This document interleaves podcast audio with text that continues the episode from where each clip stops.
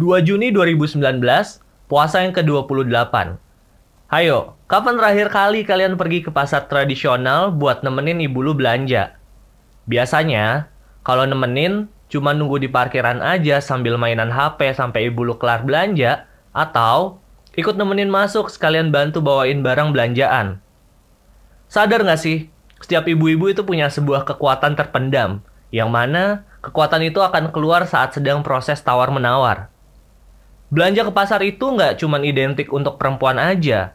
Kalian, para lelaki juga mesti ngerti dan tahu nama-nama bumbu dapur.